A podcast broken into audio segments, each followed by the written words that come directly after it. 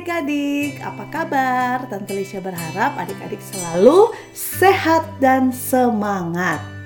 Ya, sebelum kita mendengar firman Tuhan, mari kita bersatu di dalam doa. Mari kita berdoa. Kami bersyukur ya Bapak, kami semua dalam kondisi sehat, kami semangat dan kami uh, ber, sedang beraktivitas. Biarlah Tuhan Engkaulah yang memberi kami hikmat untuk kami dapat mengerti firman yang akan kami dengarkan bersama dan kami siap melakukannya di dalam kehidupan kami. Berfirmanlah ya Tuhan, kami siap untuk mendengarkan. Amin. Nah adik-adik, ayo buka Alkitabnya. Kita buka Yesaya 41 ayat 8 sampai ayat 10. Yesaya 41 ayat 8 sampai ayat 10. Kita baca ya melalui Alkitab terjemahan baru. Ayat 8.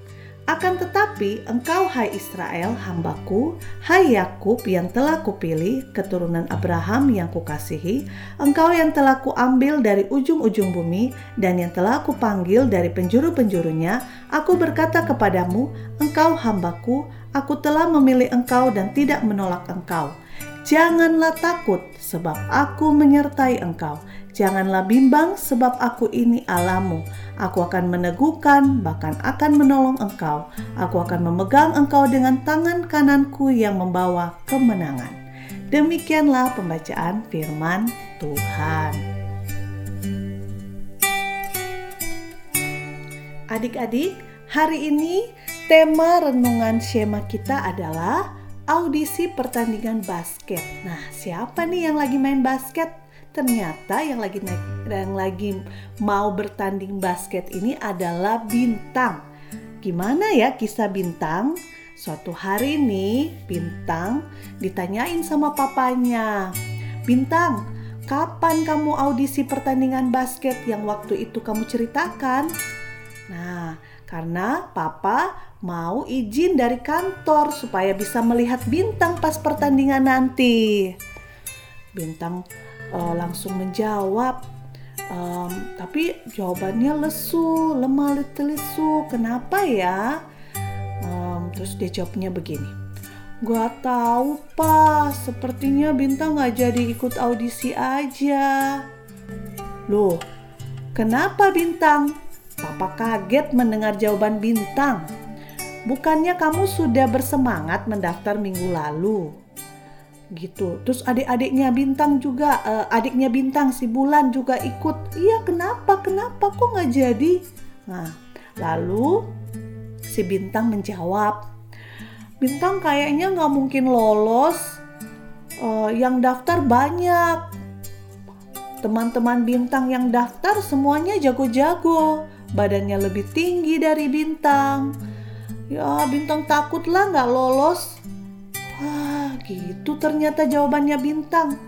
Wah, adik-adik, apakah adik-adik pernah berada pada posisi bintang yang sudah semangat sekali nih mau ikut audisi atau pertandingan atau lomba atau apa pun, tapi pas mau dekat masa daftarnya jadi gentar dan takut.